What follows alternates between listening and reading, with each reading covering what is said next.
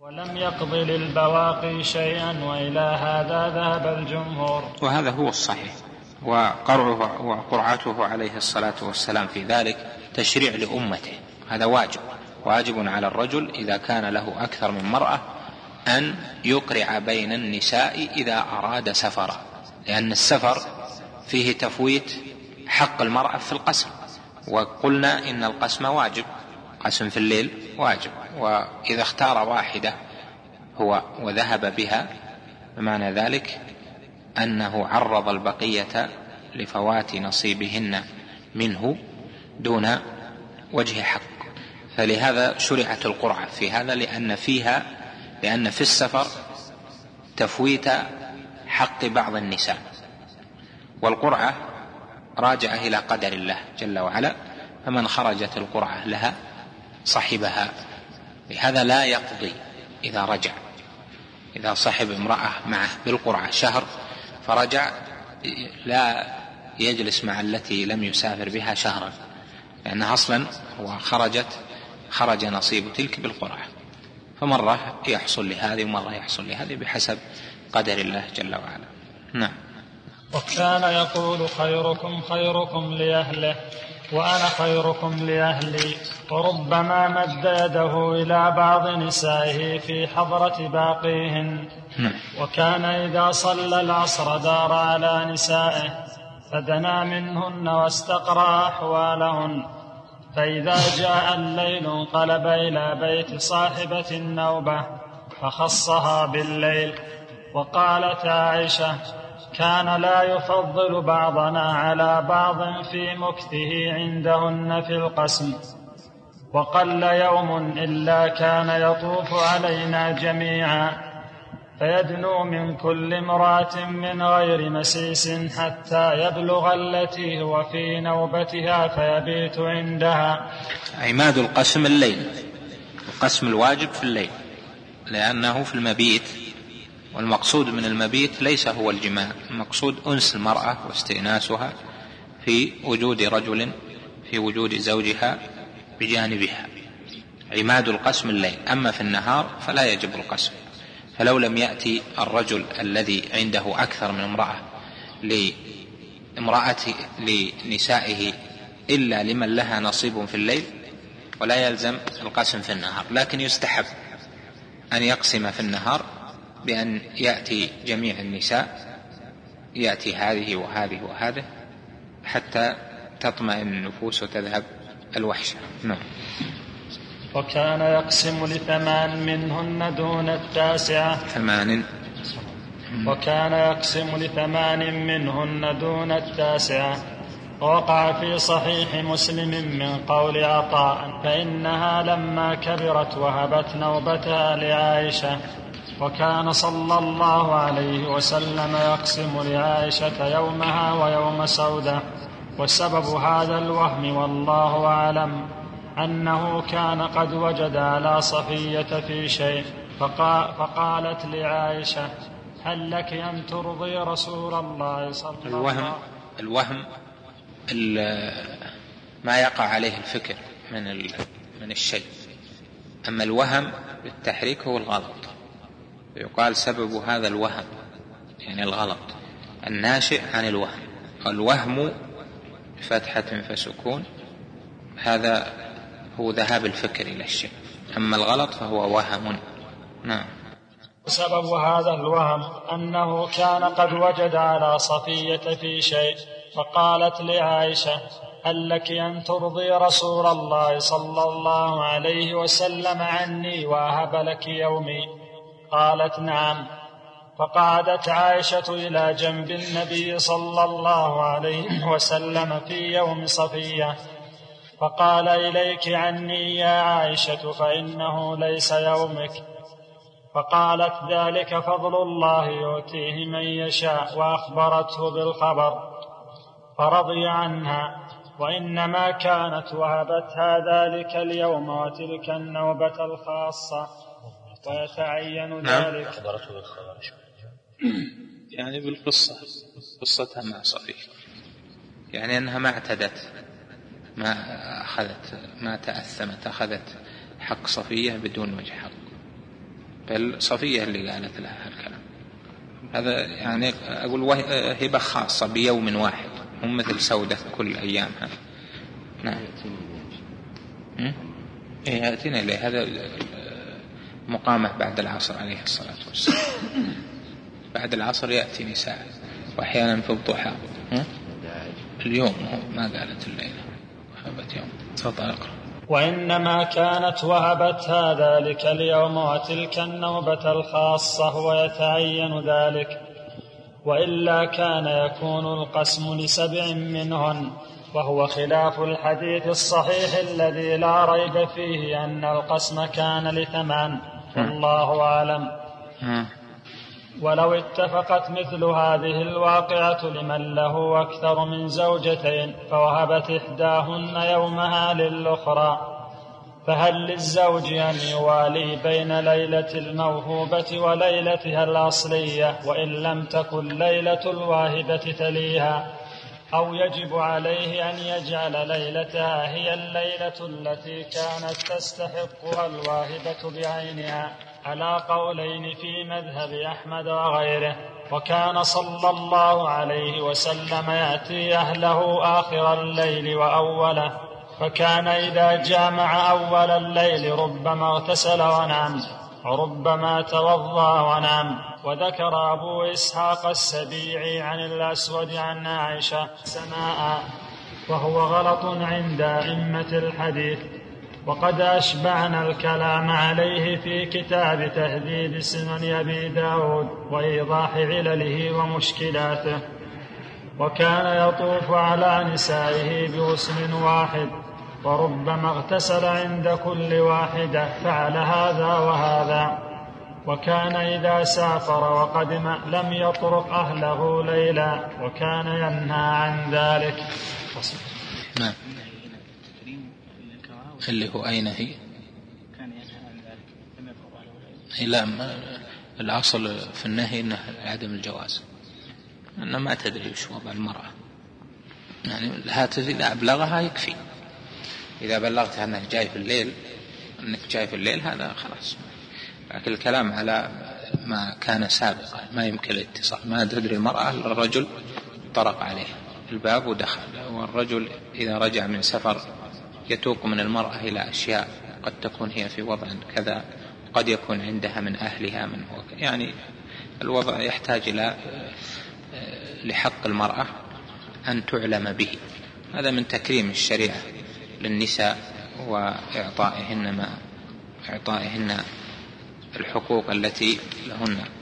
هذا فيه أيضا ما يعني رعاية أيضا لما قد يكون من من حال بعض النساء في بعض التصرفات وهذا فيه أصل وهو أن التغافل التغافل مطلوب شرعا. واحد ما يحقق الأمور إلى آخرها يأتي أهله بغتة ليطلع منهم على شيء يسوءه. هذا لا يسوء شرعا. فليخلي الأمور على ستر الله جل وعلا له الظاهر والباطن آه، عند الله جل وعلا. فإذا كانت المرأة لا تظهر للرجل إلا الصالح وليس عليه أن يحقق الأمور ويتجسس ويتحسس حتى يعرف بواطن الأمور إلا إذا كانت ثم قرينة شر أو شيء هذا أمر آخر. وأما السفر فإنه إذا رجع لا بد أن يعلم بأني آتي. حتى إذا كان جاء في المطار وبيدخل بيته لا بد يستأذن. يتصل وكذا إذا ما كان له مكان وخلاص وصل ولم يتمكن هذا له حكم له حال آخر حال أخرى والتفاهم مع في مع صاحبة الحق في ذلك أولى. نعم. كيف؟ نعم. صحيح عليه الصلاة والسلام كان يبيت جنبا فما يغتسل إلا الفجر.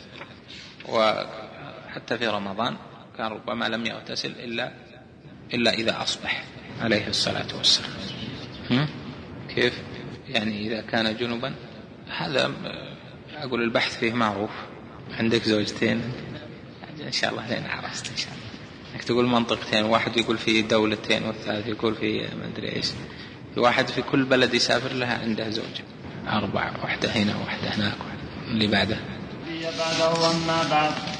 قال الإمام ابن القيم رحمه الله تعالى فصل في هديه وسيرته صلى الله عليه وسلم. في نومه وانتباهه. اللهم صل وسلم.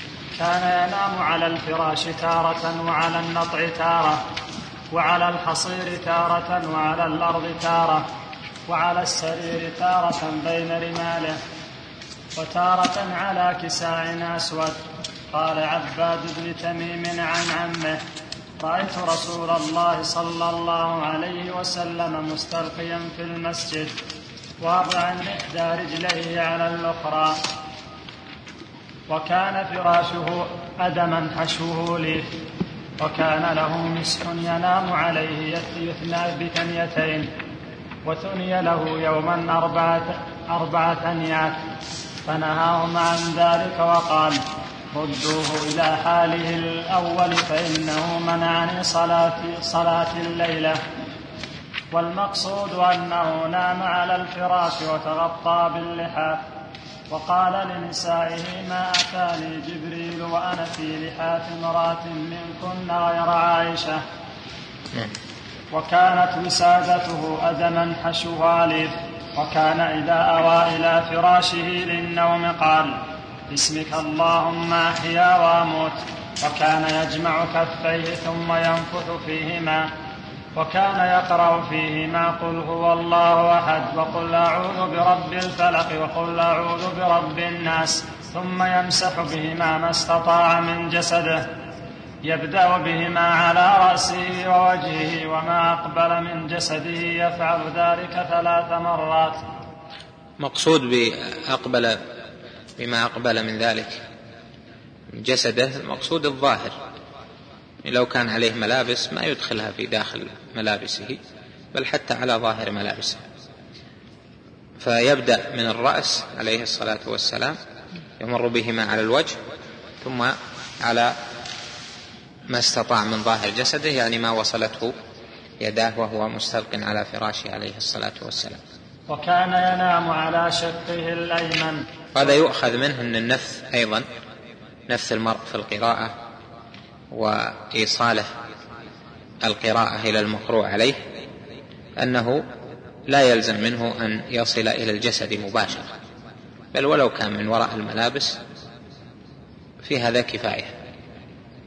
كما كان يقرأ كما كان عليه الصلاة والسلام ينفث ثم يمسح كان يقرأ لا يشترط أنه يصل إلى ما إلى يصل إلى البدن نفسه يعني إلى اللحم إلى الجسد.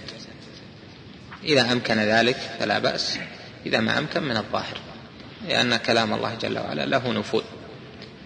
سبحان من تكلم به. نعم. كان له مسح ينام عليه حسن له بنيتين سني له يوما أربعة أيام فنهاهم عن ذلك. وقالوا إلى حاله الأول. فإنه منعني صلاة الليل نعم فراش يعني؟ فراش يصفط إذا إذا صار متين صار متين صار مرتفع أريح. خلي الواحد يستغرق يعني. لا تمتن فراشك يعني. اللهم صل على محمد. يعني ما كان مريح.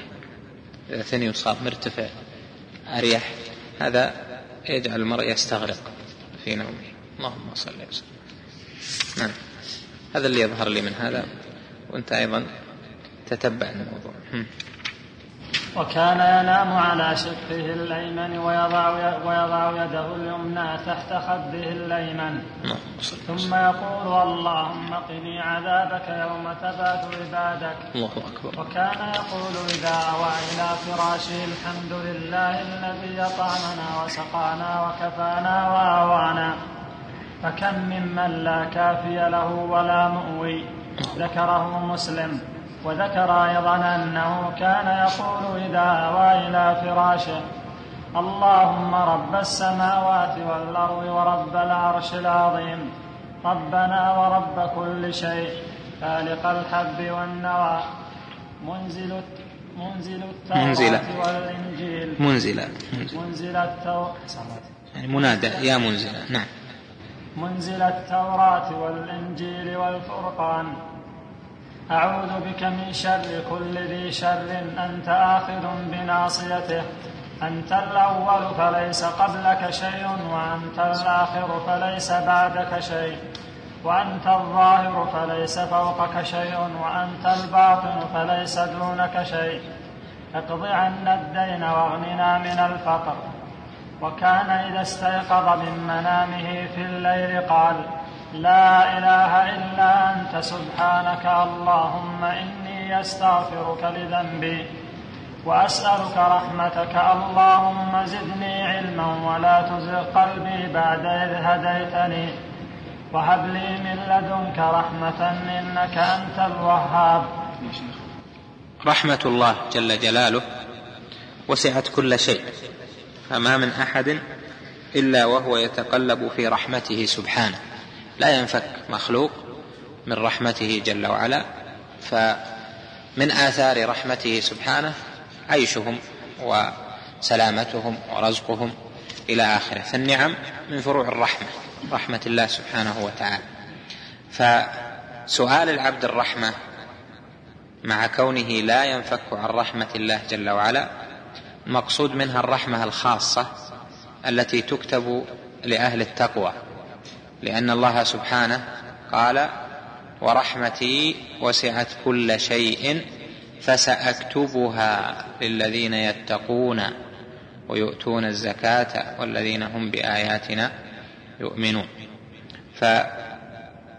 فأثبت أن رحمته جل وعلا وسعت كل شيء وجعل كتابتها للذين يتقون يعني الرحمة الخاصة التي هي منها توفيق في الدنيا والثبات والرحمة والمغفرة والعقبى بالجنة بمغفرة الذنوب. فالنبي عليه الصلاة والسلام سأل الرحمة مع أنها موجودة والمقصود هذه الرحمة. هذا من أعظم الدعاء. وهذه الأدعية المختلفة هذه مما ينبغي على أهل العلم والإيمان أن يتعاهدوها في أنفسهم حتى لا يكونوا من الغافلين. لأن الله وصف طائفة من عباده بقوله الذين يذكرون الله قياما وقعودا وعلى جنوبهم قياما وقعودا وعلى جنوبهم يعني في حال إيوائهم للمنام أو في حال استيقاظهم. والنبي عليه الصلاة والسلام إذا استيقظ إذا تعار من الليل قال لا إله إلا الله وحده لا شريك له. الحديث. فاذا المرء المؤمن وخاصة أهل العلم والإيمان يكون في قلبهم من توقير الله جل وعلا وتعظيمه ومحبة ذكره ما يكون على لسانهم في كل حال وأوان. وقت النوم وقت الإيواء الفراش هذا وقت قد يكون معه الغفلة. لذلك ناسب أن يتعاهد بالأذكار هذه العظيمة حتى يقي الإنسان نفسه من الغفلة في كل أحواله ما استطاع إلى ذلك سبيلا كما قال سبحانه في وصف خاصة المؤمنين الذين يذكرون الله قياما وقعودا وعلى جنوبهم ويتفكرون في خلق السماوات والأرض ربنا ما خلقت هذا باطلا سبحانك فقنا عذاب النار. الآيات في آخر سورة آل عمران. اللهم صل وسلم على عبدك ورسولك محمد. نعم. اي نعم ثناء على الله جل وعلا. هذا تعرض لأن تكون من منها. يعني هذا ثناء على الله جل وعلا حتى تكون من هؤلاء اللي هو. هذا يحتاج إلى مراجعة أقول الطرق المختلفة الأحاديث. هل فيه الأمر بالنوم على الشق الأيمن أو الحث عليه؟ فإذا كان هناك فقط فعله عليه الصلاة والسلام في نومه على الشق الأيمن فيكون هذا سنة في حق المقتدي به. لا تكون سنة مطلقة بدخول ذلك مثل ما ذكرت في الأمور الجبلية الطبيعية. لكن إذا كان أمر به أو حث عليه أو دل عليه يكون هذا مستحبا. وفعله بنية الاقتداء به عليه الصلاة والسلام هذا أكمل لا شك يؤجر عليه العبد. وذكر العلماء فائدة للنوم على الشق الأيمن أنه أيسر وأخف على القلب وأيسر على النائم في منامه وفي قيامه وأبعد عن الأحلام عن الحلم المزعج تشتت القلب إلى آخره. في فوائد كثيرة مجرب مجرب ما في شك. وكان إذا انتبه من نومه قال الحمد لله الذي أحيانا بعدما أماتنا وإليه النشور ثم يتسوق. وربما قرأ العشر الآيات من آخر آل عمران من قوله إن في خلق السماوات والأرض إلى آخرها.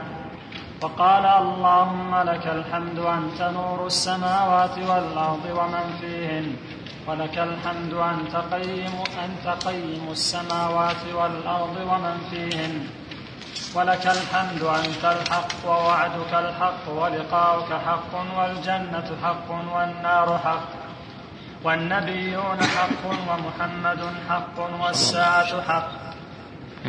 اللهم لك أسلمت وبك آمنت وعليك توكلت وإليك أنبت وبك خاصمت وإليك حاكمت.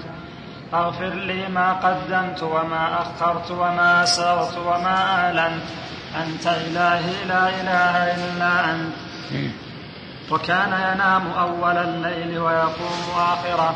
وربما سهر أول وربما وربما سهر أول, سهر أول. وربما سهر أول الليل في مصالح المسلمين. وكان تنام عيناه ولا ينام قلبه. وكان إذا نام لم يوقظوه حتى يكون هو الذي يستيقظ.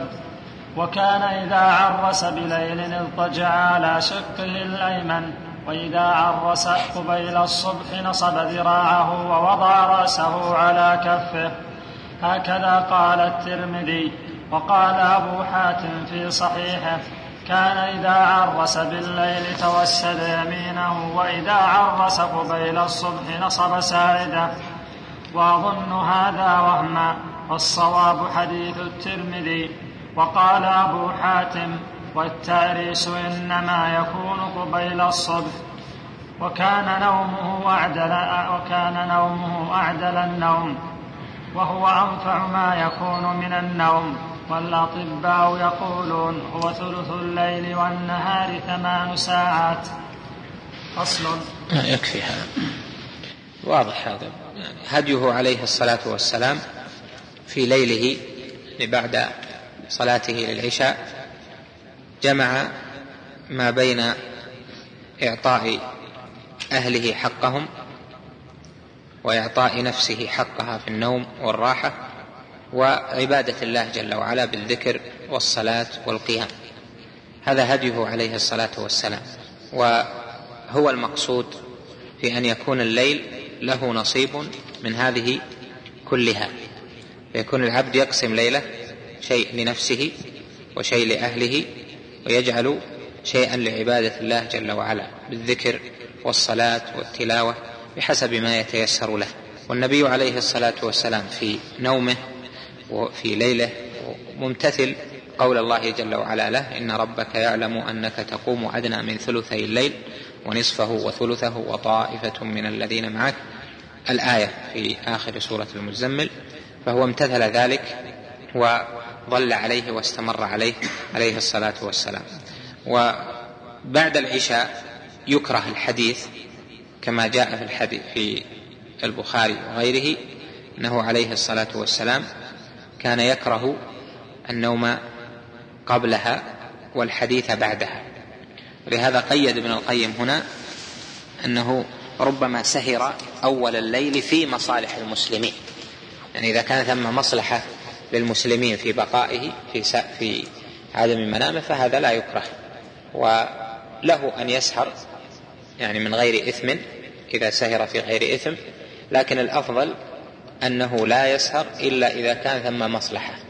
مصلحة له في دينه أو مصلحة للمسلمين في ذلك. والمقصود إذا كانت حالة غالبة. وأما إذا كان ربما فعل هذا وربما سهر لغير ذلك هذا لا ينافي أو لا تكون معه الكراهة ولا كراهة مع الحاجة. وهذا يدلنا على أن ما شاع في هذا الوقت عند الشباب بخاصة وعند عامة المسلمين من السهر إلى وقت متأخر من الليل في أحاديث وقيل وقال إن هذا مما ينهى عنه.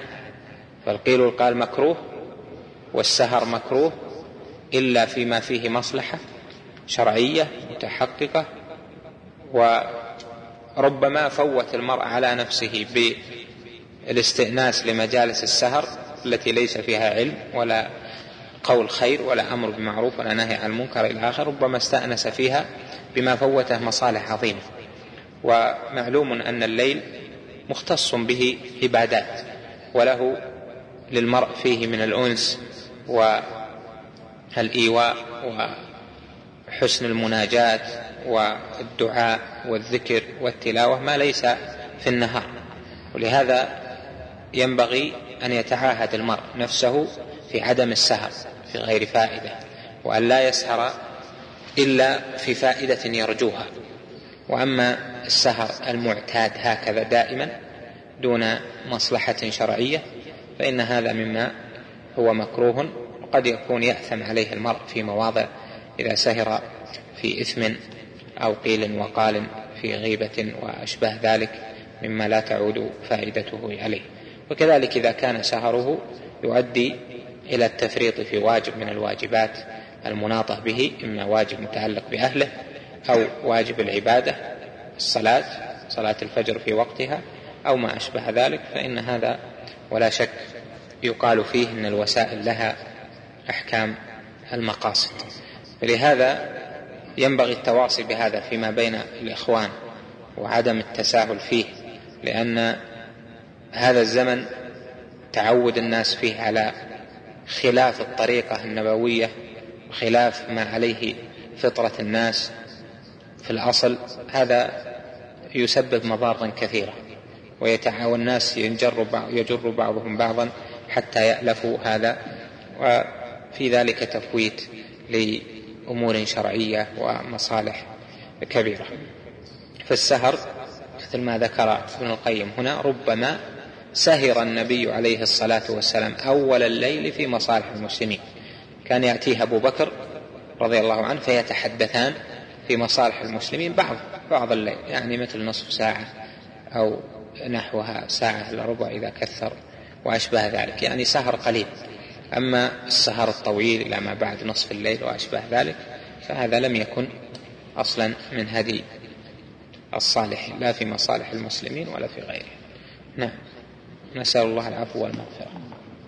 نعم الحق من أسماء الله جل وعلا وأن الله هو الحق المبين. فمن أسماء الله الحسنى الحق ويرجع إلى اسمه الحق أسماء كثيرة. نعم. لا هو نقول السهر يكره. كان يكره النوم قبلها والحديث بعدها مكروه. ما يأثم عليه. إذا سهر في مباح ما يأثم. لكن ربما فوته مصالح. ما في شك يكون محرم. لا ما يكون من الكبائر. لكن إذا كان سهره يغلب على ظنه أنه إذا سهر تفوته الصلاة يعرف من نفسه ذلك فلا يجوز له السهر. لأن الحكم حكم الوسيلة لها حكم المقصد. إذا كان بيفوت له عبادة سهرة ما يجوز. في أي عبادة من العبادات. إذا كان فعلك لشيء يفوتك هذه العبادة الواجبة فتكون الوسيلة هذه غير جائزة تبعا لتفويت العبادة. فرقان في أن ثلث الزمان هو اللي يحتاجه الإنسان في النوم. يعني النوم المعتدل يكون ثمان ساعات. هذا كلام الأطباء. والإنسان المعتدل إذا ترك ينام وهو محتاج للنوم فإنه يكتفي من النوم بعد ثمان ساعات.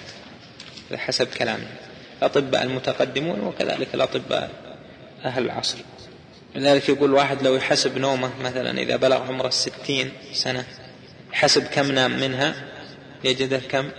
لا يجده قريب ثلاثين. أنه من اعتداله من عشرين تقريبا يبدأ الثمان ساعات.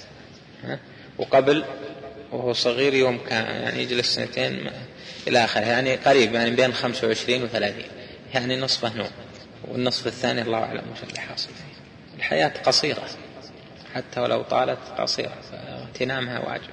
قال الإمام ابن القيم رحمه الله تعالى رحمة واسعة فصل في هديه صلى الله عليه وسلم في الركوع فركب الخيل والإبل والبغال والحمير. وركب الفرس مسرجة تارة وعرض وعريا أخرى وكان يجريها في بعض الأحيان وكان يركب وحده وهو الأكثر وربما أردف خلفه على البعير وربما أردف خلفه وأركب أمامه. وكانوا ثلاثة على البعير وأردف الرجال وأردف بعض نسائه وكان أكثر مراكبه الخيل والإبل.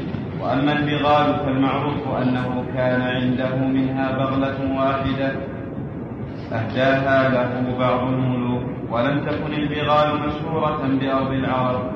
بل لما أهديت له البغلة قيل ألا ننزل الخيل على الحمر؟ فقال إنما يفعل ذلك الذين لا يعلمون. فصل واتخذ رسول الله صلى الله عليه وسلم الغنم. وكان له مئة شاة وكان لا يحب أن تزيد على مئة. فإذا زادت فإذا زادت بهمة ذبح مكانها أخرى واتخذ الرقيق من الإماء والعبيد. وكان موا وكان مواليه وعتقاؤه من العبيد أكثر من الإماء. وقد روى الترمذي في جامعه من حديث أبي أمامة وغيره عن النبي صلى الله عليه وسلم أنه قال أيما امرئ أعتق أعتق أعتق امرؤا مسلما كان فكاكه من النار. يجزئ كل عضو منه عضوا منه. وأيما امرئ مسلم أعتق امرأتين مسلمتين كانتا فكاكه من النار. يجزئ كل عضوين منهما عضوا منه. فقال هذا حديث صحيح. وهذا يدل على أن عتق العبد أفضل. وأن عتق العبد يعدل عتق أمتين فكان أكثر عتقائه صلى الله عليه وسلم من العبيد وهذا أحد المواضع الخمسة التي تكون فيها الأنثى على النصف من الذكر. والثاني العقيقة فإنه من عن الأنثى شاة وعن الذكر شاتان. وعن الذكر شاتان عند الجمهور وفيه عدة أحاديث صحاح وحسان. والثالث الشهادة فإن شهادة امرأتين بشهادة رجل والرابع الميراث والخامس الزيادة فصل. وباع رسول الله صلى الله عليه وسلم هدي النبي عليه الصلاة والسلام في الركوب أنه كان عليه الصلاة والسلام لا يتكلف مركوبا لا يتركه لغيره بل يركب ما تيسر. فإن كان عنده الحمار ركبة كما قال معاذ رضي الله عنه كنت رديف النبي عليه الصلاة والسلام على حمار وإن كان عنده ناقة ركبها وإن كان عنده بغل ركبة وإن كان عنده خيل ركبها. وهذا يدل على أن ركوب أنواع المركوبات مشروع وعلى أن هدي النبي عليه الصلاة والسلام والبغلة معروف إنها فارهة لهذا لما أهديت له عليه الصلاة والسلام ورؤي حسن البغلة وكبر ظهرها وراحه الراكب عليها وقالوا ألا ننزي فبين عليه الصلاة والسلام أن هذا لا يفعله إلا من لا خلاق له يعني إنزاء الحمر على الخيل.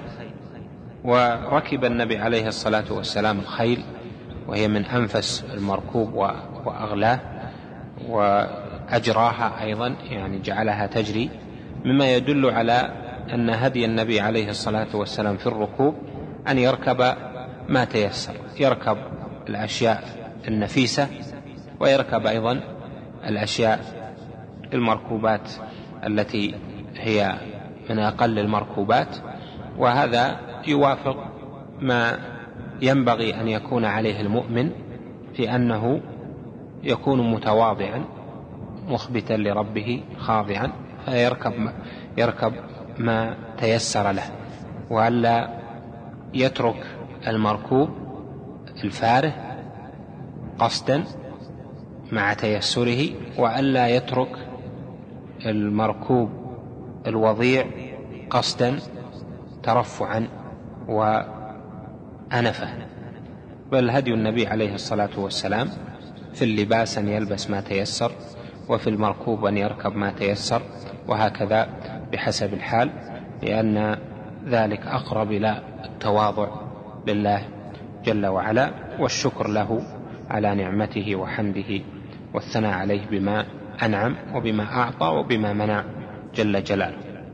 ذكر اتخاذ النبي عليه الصلاة والسلام للغنم والغنم مباركة وكثرتها مشغلة ولذلك كان لا يزيد على مئة عليه الصلاة والسلام وحث أيضا على اتخذ الرقيق وحث على العتق ومن محاسن الشريعة أنها جاءت بكثرة أبواب عتق العبيد وعتق العبد يعني عتق الرقيق جاء في مواضع كثيرة في الكفارات والواجبة وفي المستحبات حتى جاء أن من أعتق جزءا من عبد كان فكاك مثله من النار. يعني من أعتق بعض العبد شارك في عتق يده فتعتق يده من النار شارك في عتقه كله فإنه يعتق من النار بذلك. وكذلك عتق امرأتين رقيقتين مثل عتق العبد لكثرة انتفاع العبد بالعتق وقلة انتفاع المرأة بذلك. ثم استطرد فذكر المواضع الخمسة المعروفة في أن أحكام المرأة على النصف من أحكام أحكام الرجل. وهي موجودة هذه في كثير من كتب القواعد ونص عليها شيخ الإسلام ابن تيمية أيضا كما هو معروف وذكرها الآن هنا ابن القيم. والمقصود المقصود من الميراث يعني إذا كانوا رجالا ونساء. كما قال جل وعلا فإن كانوا رجالا ونساء فللذكر مثل حظ الأنثيين. فإن كانوا إخوة رجالا ونساء فللذكر مثل حظ الأنثيين. يبين الله لكم أن تضلوا والله بكل شيء عليم. وليس دائما في الفرائض كما هو معلوم أن المرأة إذا اجتمعت مع الرجل يكون لها نصف مال الرجل. بل قد تجتمع امرأة مع رجل فيكون للمرأة نصيب أكثر من من الرجل. لكن إذا اجتمع إخوة رجال ونساء أو من عصبوا بمستوى واحد فيكون هناك تنصيف.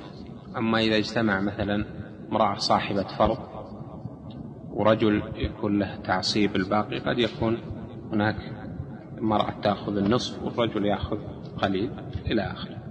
مقصود الم... بالتنصيف يعني في ما إذا اجتمعوا إخوة رجالا ونساء.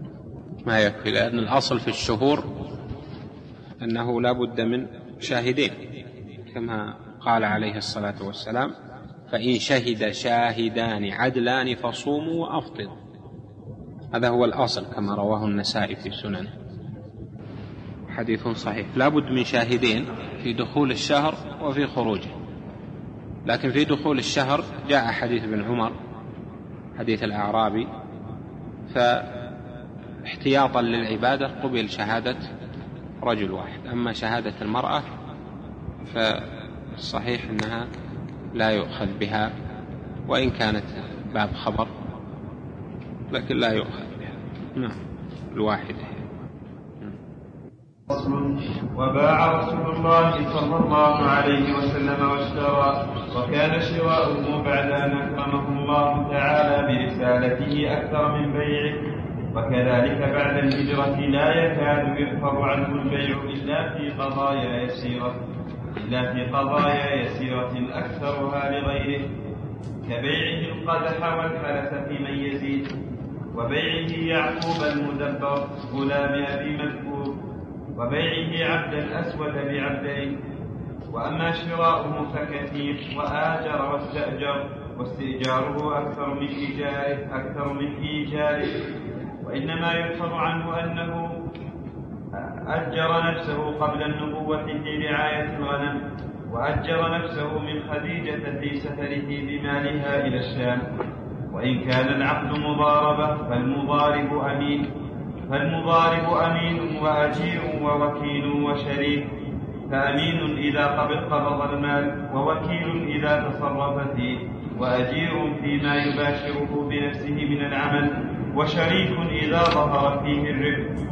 يعني يعني أجير أجير إذا صار فيه اتفاق على أنه يأخذ. أما إذا ما صار فيه اتفاق على أنه يأخذ يكون مضارب بس في فإنه لا يكون أجيرا. المقصود أنه غالب المضاربة تكون معها إجارة. لأمانة وكالة إجارة صحيح. الأمانة هذه والوكالة دائما يعني يد المضارب يد أمانة. معنى كونه أمين لا أنه لا يضمن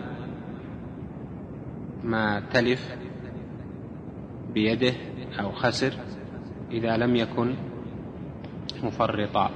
هذا معنى الأمين أن الأيدي عند الفقهاء القواعد قواعد الفقهية الثلاثة ومنها يد الأمانة. نعم.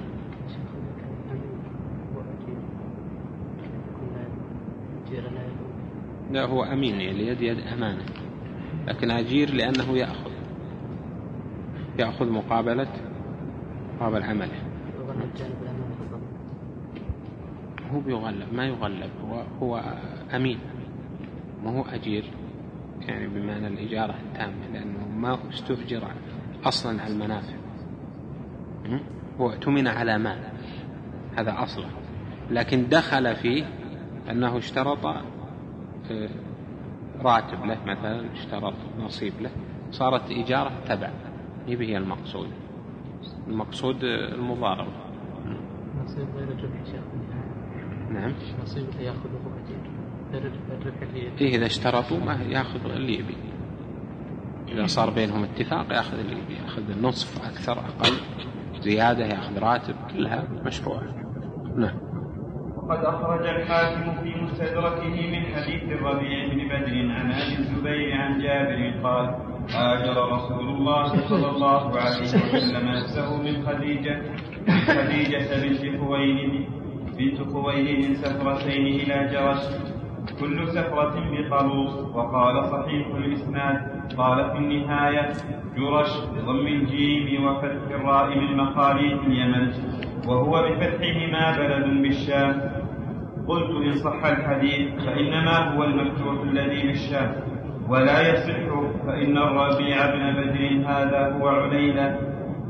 ضعفه أئمة الحديث. قال النسائي والدار قطني والأزدي مكروه وكأن الحاكم وكأن الحاكم ظنه الربيع وكأن الحاكم ظنه الربيع بن بدر مولى طلحة بن عبيد الله. وشارك رسول الله صلى الله عليه وسلم. ولما قدم عليه شريكه قال أما تعرفني؟ قال أما كنت أما كنت شريكي. فنعم الشريك كنت لا تداري ولا تماري. وتدارك بالهمزة من المدارأة وهي مدافعة الحق. فإن ترك همزها صارت من المدارة وهي المدافعة بالتي هي أحسن. ووكل وتوكل وكان توكيله أكثر من توكله.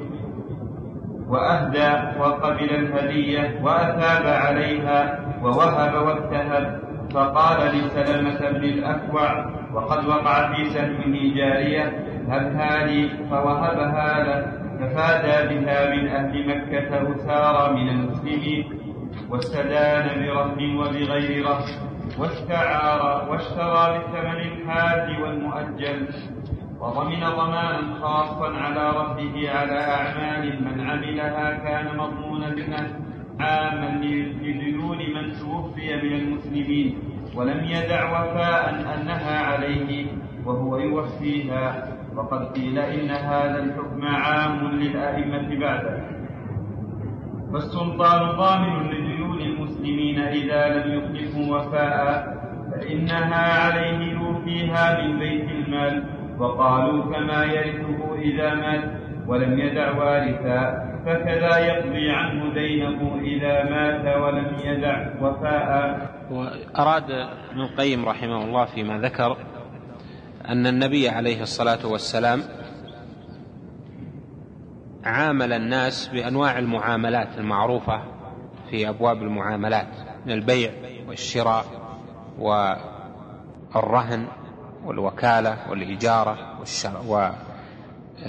والضمان والشركة فكلها فعلها عليه الصلاة والسلام. وهذا يدل على أن أكمل الناس لا يستنكف عن هذه الأمور وإن كان قد يأتي بعضها أكثر من بعض لأجل أن بعضها قد يشغله عما هو أولى في حقه من البعض الآخر. لهذا كان شراؤه عليه الصلاة والسلام أكثر من بيعه لأن البيع يحتاج إلى معاناة والشراء أسهل لأنه بذل آه، من جهة الوقت يسير. وكذلك الإجارة آجر عليه الصلاة والسلام آه، نفسه واستأجر أيضا غيره وهذا كله يدل على أن أشراف الناس وأهل الكمالات لا يستنكفون عن مثل هذه الأمور لأن هذه مما أباحها الله جل وعلا وأيضا لا يغمز على من فعلها لأن هذه فعلها عليه الصلاة والسلام. فمن أجر اشتغل بالبيع والشراء أو أو وكل أو اشتغل بالوكالة أو بالضمان أو بالشركة وضارب وأشباه ذلك هذه كلها جرت عليها سنته عليه الصلاة والسلام. المهم أن لا تشغل عن حق. ثم ذكر أن النبي عليه الصلاة والسلام كان يقضي ديون الناس. إذا ماتوا وعليهم ديون. ففي أول الأمر يعني أول أمر النبي عليه الصلاة والسلام في المدينة ليس عنده شيء من المال يفي به الديون ويسدد به ديون أصحابه إذا ماتوا وعليهم ديون. فلما فتح الله جل وعلا عليه الفتوح قال أنا أولى بكل مؤمن من نفسه من ترك دينا فعلي وإلي. فصار يسدد الديون عن أصحابه عليه الصلاة والسلام. ومن هنا اختلف العلماء هل هذا لأجل منصب النبوة أو لأجل منصب الإمام؟ يعني سدد ديون الموتى لأجل أنه نبي خاتم الرسل أو لأجل أنه إمام؟ فمن نظر إلى الأول جعله خاصا به عليه الصلاة والسلام. واستدل على ذلك بقوله أنا أولى بالمؤمنين من أنفسهم. في أول الحديث من ترك دينا أو مالا فعلي وإلي. وفي لفظ من ترك دينا أو ضياعا فعلي وإلي. فقوله أنا أولى بالمؤمنين من أنفسهم هذا فيه تعليق بمنصب النبوة لقوله جل وعلا النبي أولى بالمؤمنين من أنفسهم وليس الإمام أي إمام من بعده في هذا المقام أن يكون أولى بالمؤمنين من أنفسهم.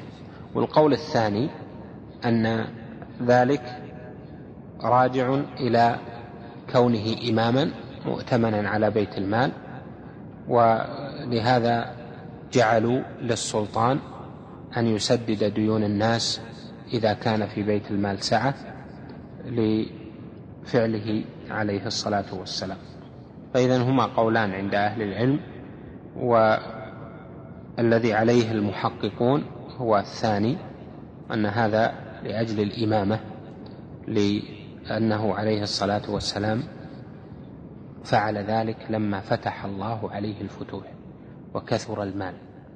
ومنصب النبوة موجود قبل ذلك وبعده. نعم. وقالوا كما يرثه إذا مات ولم يدع وارثا فكذلك يقضي عنه دينه إذا مات ولم يدع وفاء وكذلك ينفق عليه في حياته إذا لم يكن له من ينفق عليه. ووقف, ووقف رسول الله صلى الله عليه وسلم أرضا كانت له جعلها صدقة في سبيل الله وتشفع وشفع إليه شفع وردت ضريرة شفاعته في مراجعتها مضيها فلم يرغب عليها ولا عتب وهو الأسوة والقدوة. وحلف صدقة في سبيل الله وتشفع وشفع إليه وردت شفع. وردت ضريرة شفاعته في مراجعتها مضيها فلم يرغب عليها ولا عتب وهو الأسوة والقدوة وحلف في أكثر من ثمانين موضعا وأمره الله سبحانه بالحلف في ثلاثة مواضع فقال تعالى ويستنبئونك أحق هو قل إي وربي إنه لحق.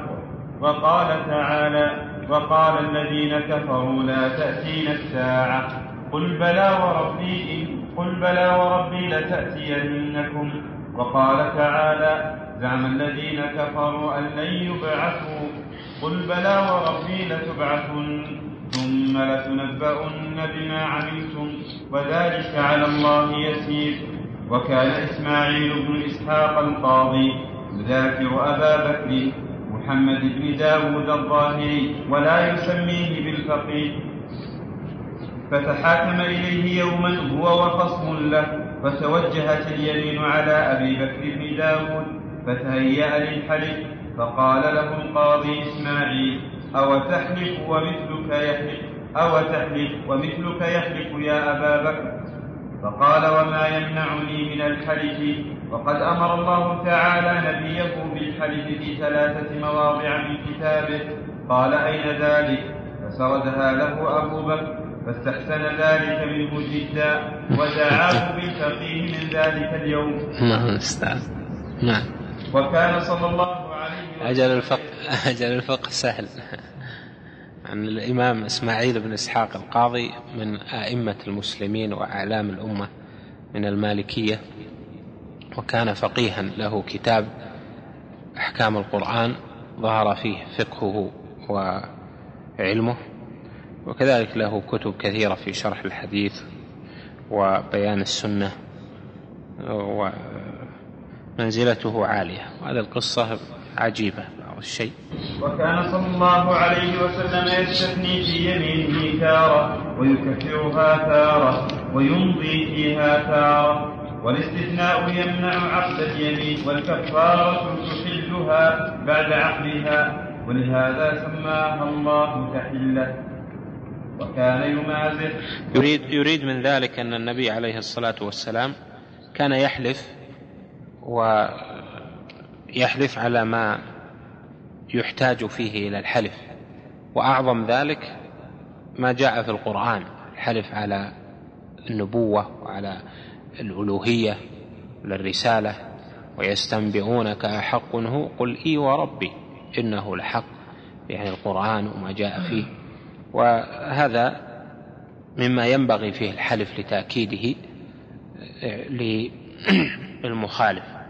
وحلف كما ذكر النبي عليه الصلاة والسلام في مواضع كثيرة جدا إذا احتيج إلى ذلك. حلف وأمضى وحلف وكفر وحلف واستثنى وقال أيضا عليه الصلاة والسلام إني لا أحلف على يمين. فأرى غيرها خيرا منها إلا أتيت الذي هو خير وكفرت عن يمينه وهذا يدل على أن المقصود هو الخير فإذا حلف على يمين وأراد أن يحل هذه اليمين ووجد خيرا مما حلف عليه فيأتي الذي هو خير ويكفر عن يمينه. يعني أنه ليس من صفة ولي الله وصفة المتقين أنهم يمضون اليمين ولا يكفرون بل إذا رأى ما هو خير كفر عن يمينه وأتى الذي هو خير.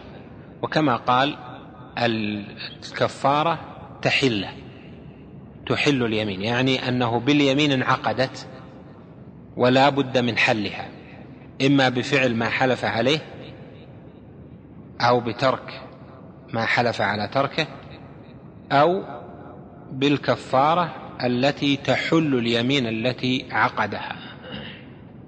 ولكن يؤاخذكم بما عقدتم الأيمان فكفارته يعني ما تحل تحل به تلك العقدة. وأما الاستثناء في اليمين فمن شرطه أن يكون متصلا يعني متصل بيمينه. فيحلف يقول والله لأفعلن كذا وكذا إن شاء الله.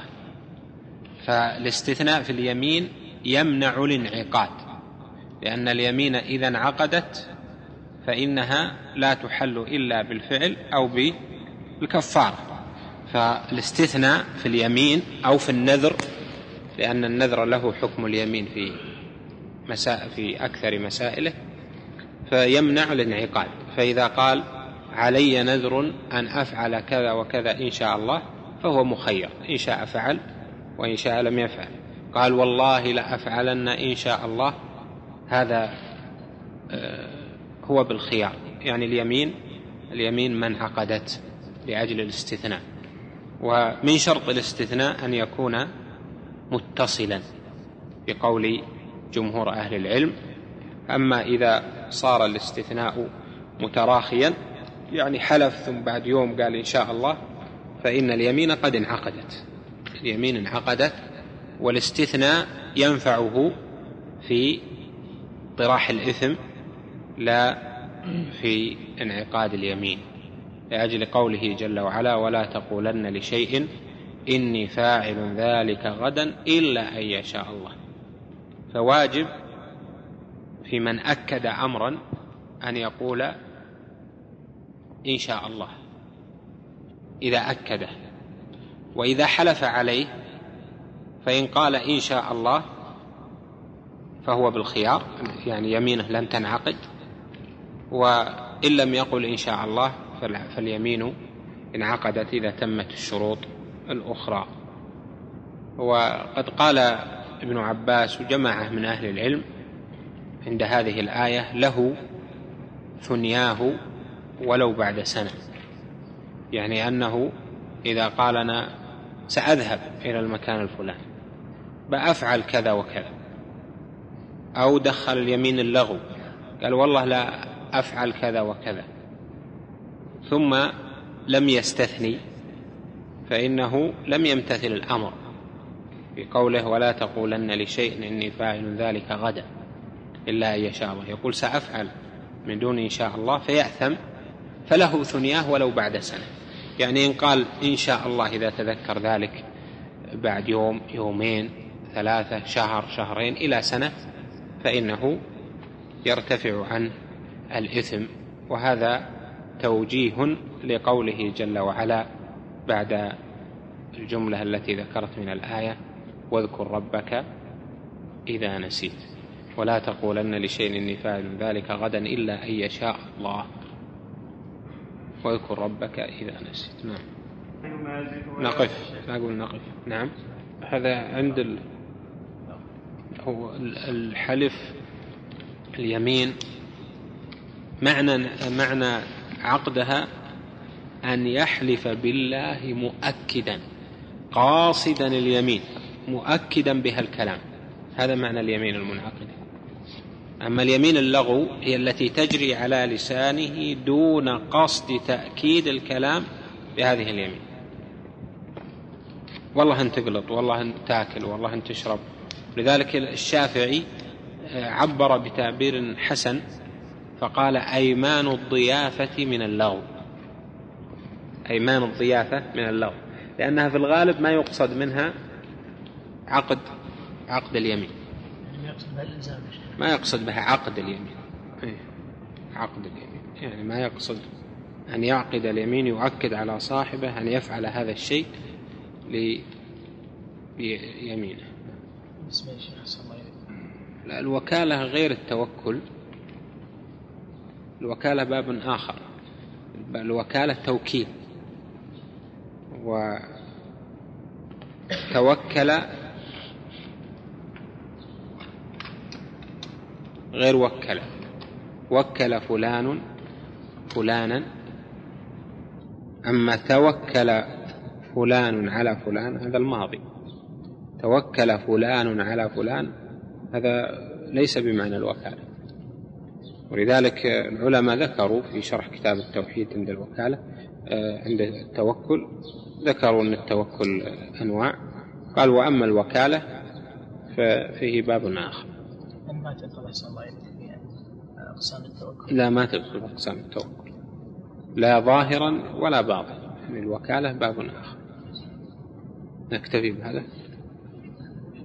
والله كان الوقت ضاق شوي خليها الأسبوع القادم. إن شاء الله الأسبوع القادم. نعم. إذا كانت السترة غير عمود أو شجرة فيصمد إليه. أما إذا كانت عمود أو شجرة يعني شيء طويل كبير يعني يستغرق الجسم طويل. فهذا يجعله على حاجبه الأيمن أو الأيسر يعني يميل عنها قليل بس. كذا. وهذا هو الذي جاء في سنن أبي داود. حديث إذا صلى أحدكم إلى عمود أو شجرة فلا يصمد إليه ليجعله عن يمينه أو عن يساره. الحديث إسناده فيه ضعف لكن صحح شيخ الإسلام أو حسنه واعتمد في اقتضاء الصراط المستقيم. وهو اللي ذكره الشيخ محمد بن عبد الوهاب أيضا في بعض كلامه. فعندهم ليس هذا مطلق في كل سترة فإذا كانت السترة صغيرة لا. لذلك النبي صلى الله عليه وسلم كان يصلي إلى العنزة. العنزة تصمد لها يعني تحط لك قدامك شيء صغير ماركات ولا شيء ارتفاعه قليل وما صار عمود كبير أو شجرة فمخالفة للمشركين في عباداتهم هم كانوا يصمدون إلى آلهتهم ليجعلونها على حجر أو على شجر مخالفة لهم يبتعد الواحد يمين أو يسار. لكن لو فعل ما ينكر لأنها مسألة الحديث فيه ضعف. ما معنى قوله تعالى ولا تجعلوا الله عرضة لأيمانكم هذه في آية في سورة البقرة قال سبحانه ولا تجعلوا الله عرضة لأيمانكم أن تبروا وتصلحوا أن تبروا وتتقوا وتصلحوا بين الناس. فإذا أراد المرء أن يفعل إصلاحا أو أمر فيه تقوى له أو بر فلا يقول أنا حلفت ما أفعل البر ما أصلح ما أفعل التقوى أو ما أصلح بين الناس أو ما أفعل البر هذا. فلا يجعل اليمين حاجزا له عن فعل الخير. بل سنة النبي عليه الصلاة والسلام أنه إذا حلف على شيء فرأى خيرا منه أتى الذي هو خير وكفر عن يمينه. هذا أصح التفاسير في الآية. يعني لا تجعل حلفك بالله مانعا لك من إتيان التقوى وإتيان الخير والبر والإصلاح بين الناس. نعم. الأجير المدرس أجير الموظف والمدرس يعني الموظف غالب الموظفين. والمدرس وأجير زمن. أجير زمن يعني من من الساعة كذا للساعة كذا.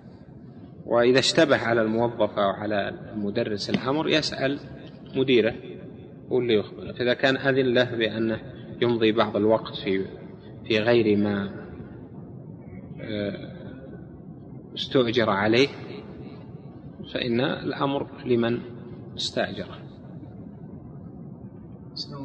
بس مثلا عندك وقت راحة لك مثلا استراحة. تقرأ فيها القرآن أو تدرس فيها علم أو هذا لك أصلا موضوع الاستراحة. فإن شئت أن لا تستريح أو أن تستريح بالعلم والقراءة هذا هذا طيب. الله شيخ. ما رأيكم؟ أولا الصحابة لم يختلفوا في مسألة من مسائل الأرض. هذا أصل لم يختلفوا العقائد مجمع عليه. الصحابة ما اختلفوا في أي مسألة من مسائل ومسألة رؤية النبي عليه الصلاة والسلام ربه ليست من مسائل العقيدة متعلقة بالنبي عليه الصلاة والسلام. هل رأى ربه بقلبه أم لم يره إلى آخره؟ أما تقسيم تقسيم العقيدة إلى أصول وفروع.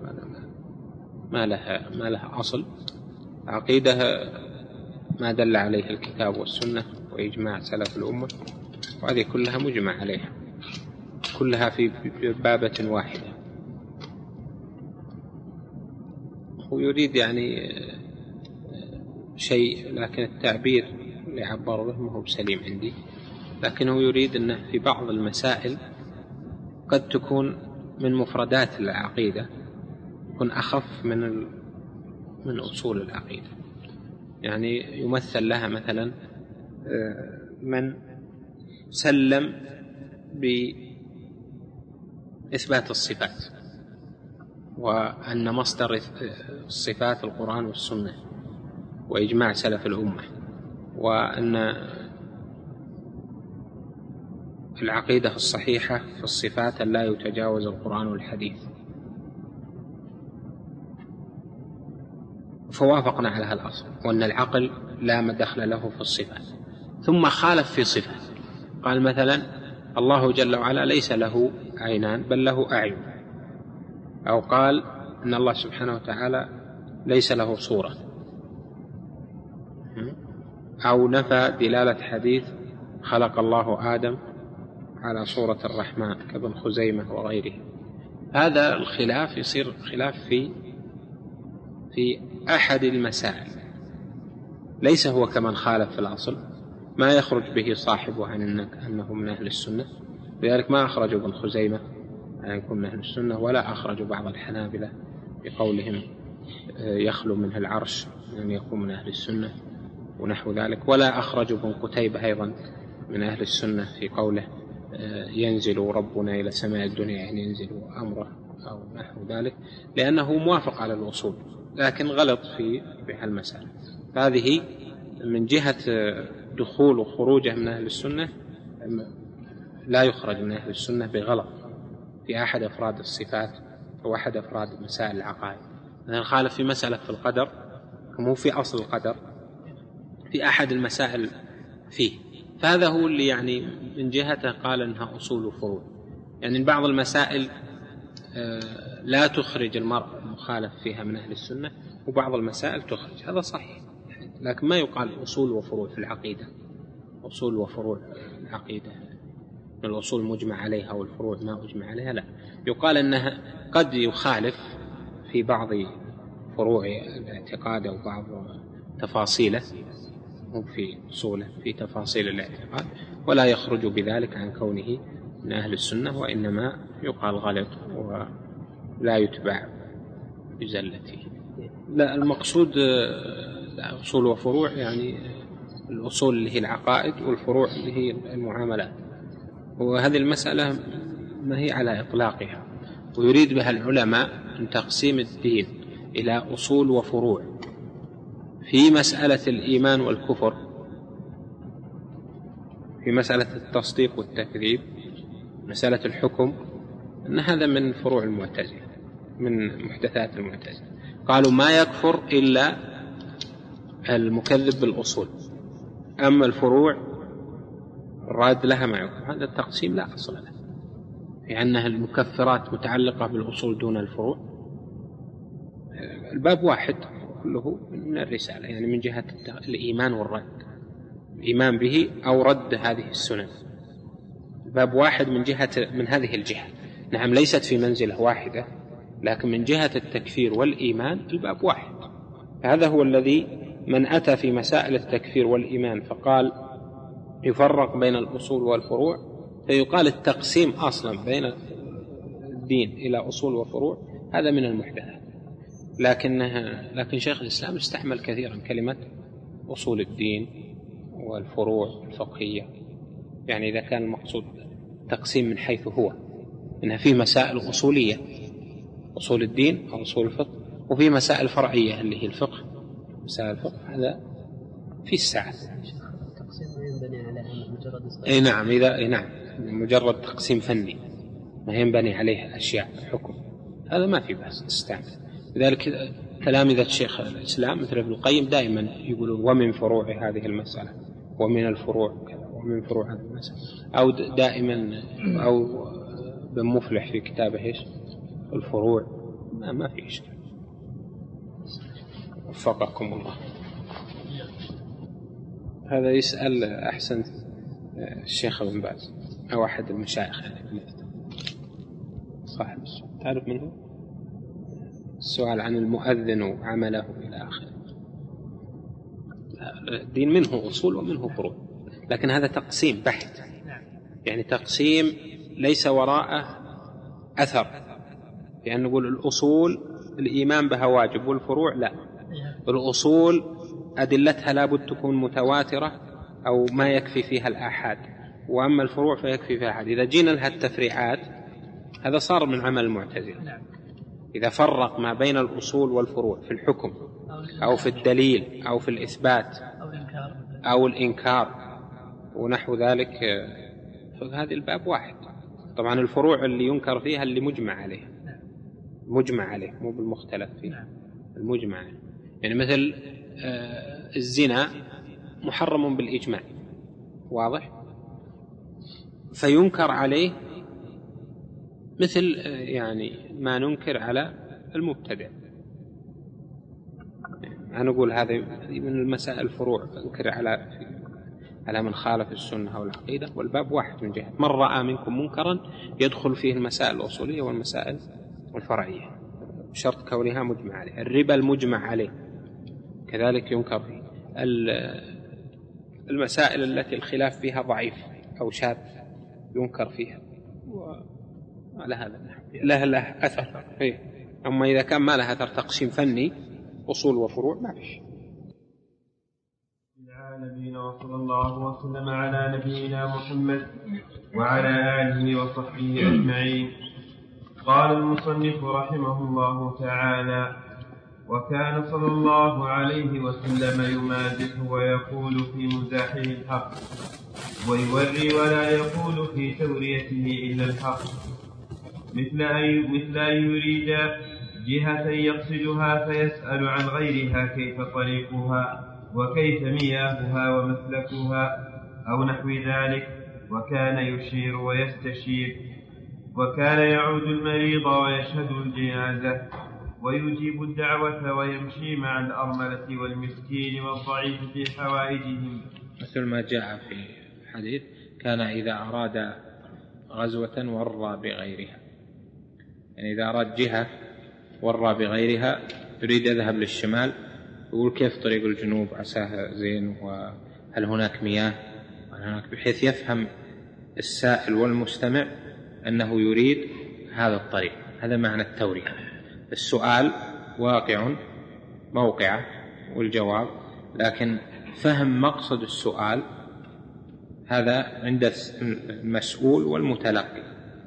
وهذا يسمى التورية وكان عليه الصلاة والسلام إذا أراد غزوة ورى بغيرها حتى يكون أبلغ في الكتمان وفي الوصول للقصد. نعم. تورية بس ما تكون كذب. أنها تورية لفظ يحتمل يفهم منها المتلقي شيء. المستمع شيء أو المسؤول شيء وفي الحقيقة قصدك شيء آخر. ما هي بكذب يعني بس لا تكون كذب لا بأس. اللي هي لا التورية مطلقة اللي تجوز للحاجة ذيك المعاريض معاريض غير التورية. نعم. وسمع, وسمع مديح الشعر وأثاب عليه ولكن ما قيل فيه من المديح. ولكن ما قيل فيه من المديح فهو جزء يسير جدا من محامده وأثاب على الحق. وأما مدح غيره من الناس فأكثر ما يكون بالكذب. فلذلك أمر أن يحثى في وجوه المداحين التراب. فصل. والمديح المديح آه، وإعطاء الثواب عليه أو إعطاء المال عليه مديح بالشعر.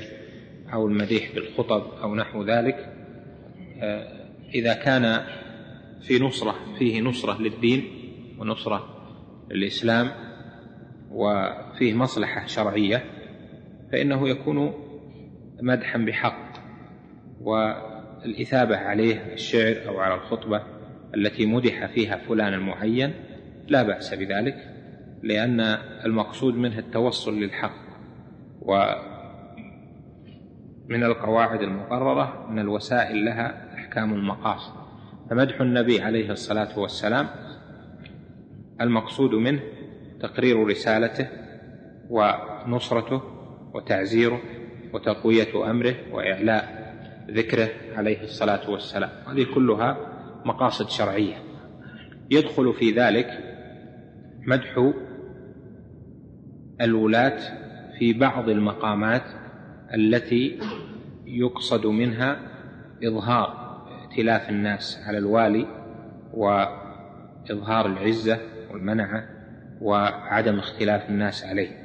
فهذه إذا أثاب عليها بهذا القصد فلا بأس لأن فيه مصلحة شرعية. وأما المدح مطلقا فإنه منهي عنه كما قال عليه الصلاة والسلام لمن مدح قطعت عنق صاحبك. وقال أحثوا في وجوه المداحين بالتراب لأن أكثر المدح والتمادح يكون بغير حق ولغير مصلحة وإنما هو للدنيا أو للتزلف فإذا إعطاء الأجرة على المدح لا بأس به إذا كان لمصلحة شرعية. نعم. وسابق رسول الله صلى الله عليه وسلم بنفسه على الأقدام وصارع وخطف نعله بيده ورفع ثوبه بيده ورفع دلوه وحلب شاته وفلى ثوبه وخدم أهله ونفسه وحمل معهم اللبن وحمل معهم اللبن في بناء المسجد. وربط على بطنه الحجر من الجوع تارة وشبع تارة وأضاف وأضيف واحتجم في وسط رأسه وعلى ظهر قدمه واحتجم في الأخدعين والكاهل وهو ما بين الكتفين وتداوى وكوى ولم يستوي ورقى ولم يسترقي وحمل وحمى المريض مما يؤذيه. وأصول الطب ثلاثة الحمية وحفظ وحفظ الصحة واستفراغ المادة المضرة. هذه جمل كثيرة كل منها لها أدلتها لها أدلتها وتفصيل الكلام عليها لكن أراد منها العلامة شمس الدين بن القيم رحمه الله أن يبين أن النبي عليه الصلاة والسلام كان سهلا لينا لم يكن متكبرا ولا متجبرا بل كان سهلا لينا يقوم بخدمة نفسه ويمشي كما يمشي الناس ويلبس كما يلبس الناس ويصلح شأنه بنفسه ويصلح نعله بنفسه يعني إذا احتاج لذلك. وهذا هو الذي ينبغي على هذه السنة التي ينبغي على كل مؤمن أن يحافظ عليها وهو أن لا يتكلف الأمر. كل شيء يصنع له كل شيء يعمل له دائما يخدم. أو دائما يحب يأمر غيره أن يعمل. النبي عليه الصلاة والسلام كان يأمر فيطاع وكان يخدم نفسه وكان هناك من يقرب إليه نعلة وكان يحمل نعله تارة بنفسه ويخصف نعله.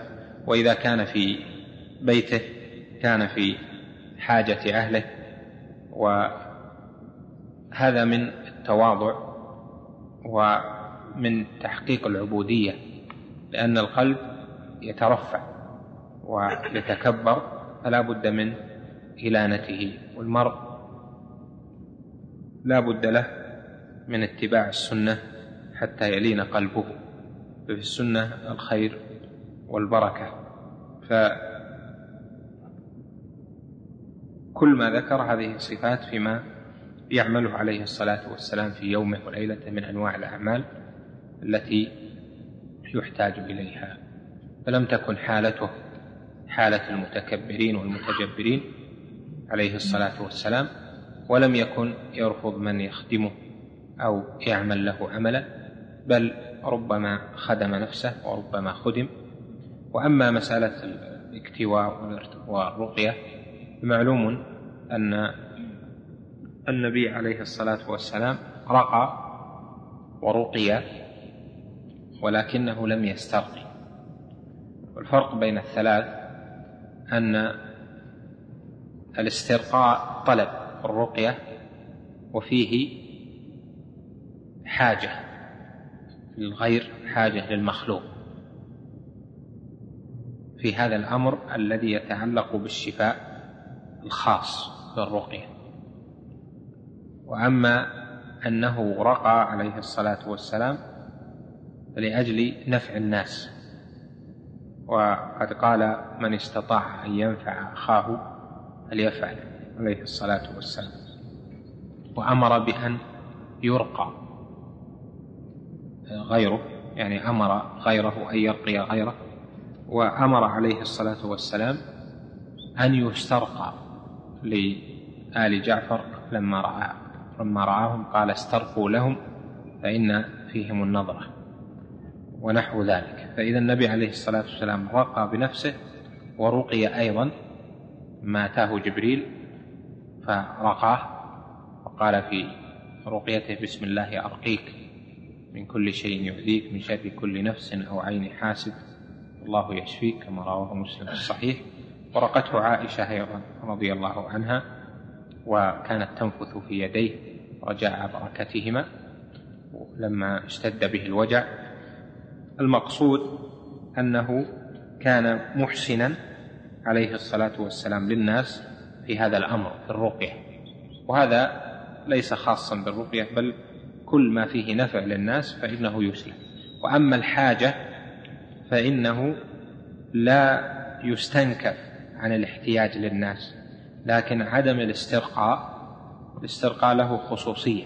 يعني طلب الرقية لأنه يكون فيه تعلق القلب بالمرقي لأن الرقية في الغالب تحصل الشفاء كما جرت عليه العادة وفيها سر مخصوص فلذلك طلب الرقية يقيد بنفسه ولا يعمم على كل أنواع تداوي ومثله الاكتواء. ولهذا نقول في حديث السبعين ألف الذين قال النبي عليه الصلاة والسلام في وصفهم إنهم الذين لا يسترقون ولا يكتوون وعلى ربهم ولا يتطيرون وعلى ربهم يتوكلون. الرواية التي فيها لا يرقون هذه شاذة بل منكرة لأن الراقي محسن وهي ليست بمحفوظة كما ذكرنا. فهي لا يسترقون يعني لا يطلبون الرقية ولا يكتوون ولا يتطيرون. وهذا لا يعمم على كل أنواع التداوي بل هو خاص بهذه المسائل يعني بالاسترقاء والكي لأن العرب كانت تعتقد أن الرقية لا تغادر المرض إلا بالشفاء وأن الكي لا يغادر المرض إلا بالشفاء فلهم فيه نوع تعلق خاص بذلك. لهذا نقول إن حديث السبعين ألف الأولى فيه أن يقيد بما ذكر وألا يعمم على كل أنواع الأسباب. وهذا ألمح إليه بعد أن كنت أفهم هذا الفهم وجدت أن عددا من أهل العلم حققوا هذا التحقيق في مواضع مختلفة من كلامهم شيخ الإسلام ابن تيمية وغيره. فالنبي عليه الصلاة والسلام رقى ورقي ولم يسترقي ولكنه طلب لغيره الرقية وطلب أن يسترقى للآخرين وعليه الصلاة والسلام كوى ولم يكتوي لأن الكي فيه نوع تعذيب بالنار لكنه دواء. نعم. وأصول الطب نعم. ثلاثة لا. ما يأثم لا ما يأثم. لا بس يعني إذا غلب عليه أنه كل ما حدث عليه الشيء استرقى دائم يعني أغلب أمره أنه إذا احتاج دائما إذا احتاج استرقى هذا لا يكون من السبعين ألف. لكن من احتاج إليه مرة ونحو ذلك فلا تقدح في عموم توكله. وأصول الطب ثلاثة الحمية وحفظ الصحة واستفراغ المادة المضرة. وقد جمعها الله تعالى له ولأمته في ثلاثة مواضع من كتابه. فحمى المريض من استعمال الماء خشية من الضرر. فقال تعالى وإن كنتم مرضى أو على سفر أو جاء أحد منكم من الغائط. أو لامستم النساء فلم تجدوا ماء فتيمموا صعيدا طيبا فأباح التيمم للمريض حمية له كما أباحه للعادم وقال في حفظ الصحة فمن كان منكم مريضا أو على سفر فعدة من أيام أخر. فأباح للمسافر الفطر في رمضان حفظا لصحته. لئلا يجتمع على قوته الصوم ومشقة السفر فيضعف القوة والصحة وقال في الاستفراغ في حلق الرأس للمحرم فمن كان منكم مريضا أو به أذى من رأسه ففدية من صيام أو صدقة أو نسك. فأباح للمريض ومن للمريض ومن به أذى من رأسه وهو محرم أن يحلق رأسه. ويستفرغ المواد الفاسدة والأبخرة الرديئة التي التي تولد التي تولد التي تولد عليها القمل كما حصل لكعب بن عجرة أو تولد عليه أمراضا وهذه الثلاثة هي قواعد الطب وأصوله. فذكر من كل جنس منها شيئا.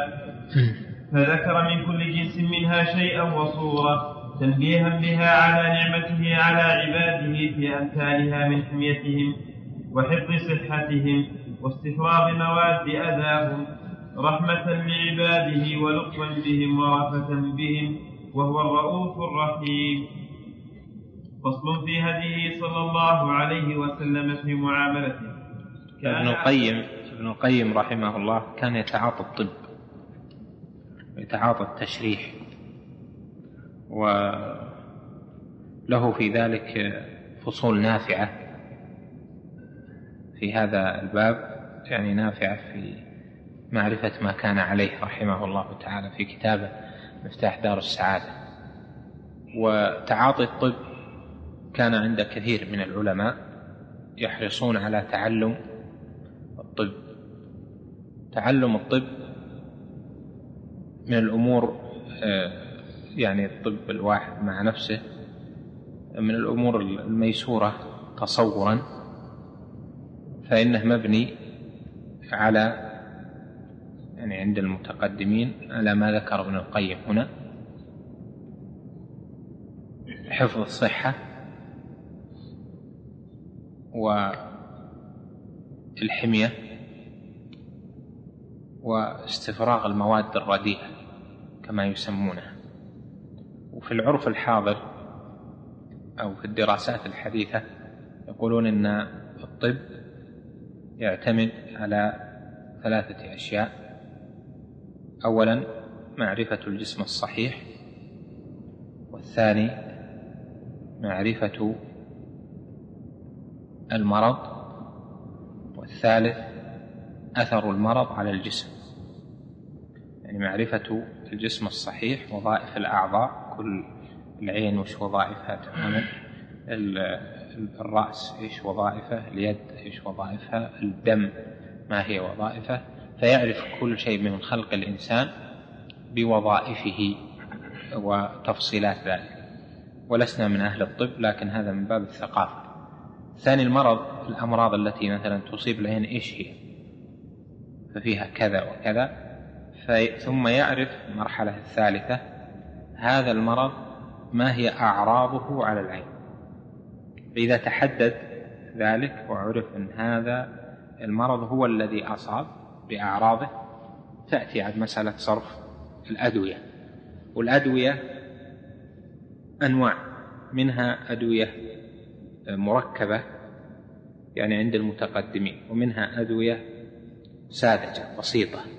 يعني من مادة واحدة. وكلما كان الدواء غير مركب كلما كان أسهل على البدن وأيسر من الأدوية المركبة.